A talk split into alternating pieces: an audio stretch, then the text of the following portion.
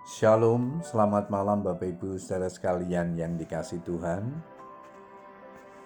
Kembali malam hari ini kita datang kepada Tuhan untuk menaikkan ucapan syukur dan doa-doa kita. Setelah sepanjang hari ini kita menikmati kasih dan pemeliharaan Tuhan dalam hidup kita.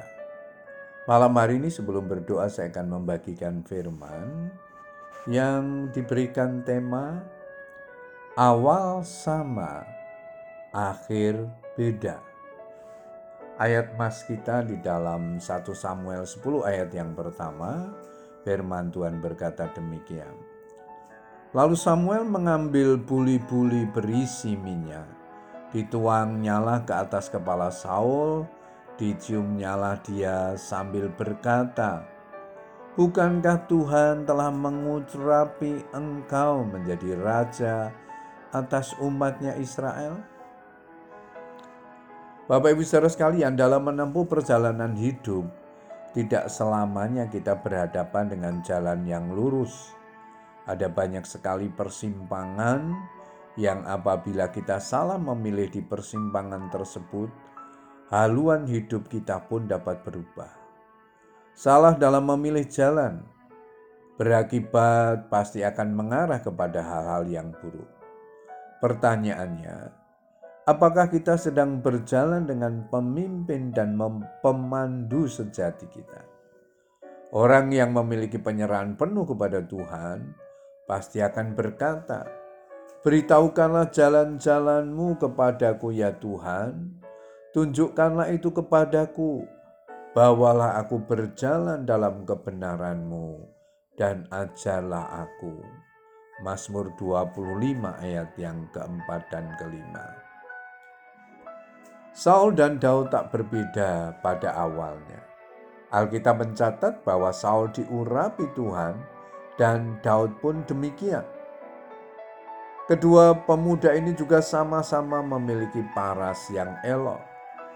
Saul adalah seorang muda yang elok rupanya.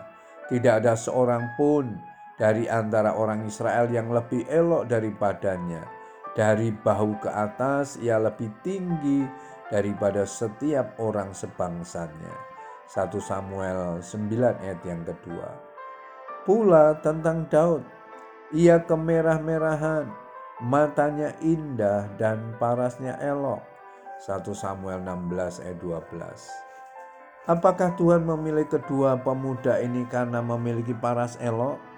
Tentunya tidak. Ada tertulis bukan yang dilihat manusia, yang dilihat Allah. Manusia melihat apa yang di depan mata, tetapi Tuhan melihat hati. Baik Saul maupun Daud memulai karirnya dengan penuh kerendahan hati. Karena itu tangan Tuhan juga berada di atas kedua pemuda ini. Keduanya dimahkotai menjadi raja pada usia yang hampir bersamaan. Namun dalam perjalanan selanjutnya, ketika dihadapkan pada persimpangan-persimpangan, jalan yang mereka pilih berbeda. Daud memilih untuk tetap taat mengikuti jalan Tuhan dan ketaatannya itu membawa hidup Daud semakin naik dan mengalami peninggian demi peninggian dari Tuhan. Sedangkan Saul di tengah perjalanan hidupnya memilih untuk tidak taat. Dan karena ketidaktaatannya ini, Tuhan menolaknya sebagai raja atas Israel. Dan akhirnya hidupnya pun berakhir dengan tragis.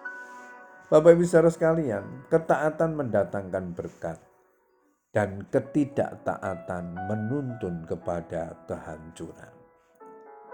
Puji Tuhan.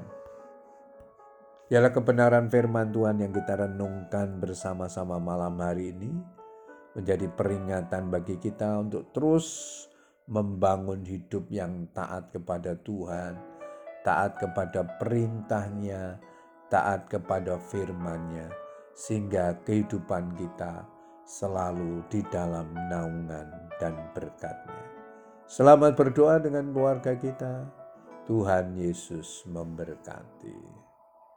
Amin.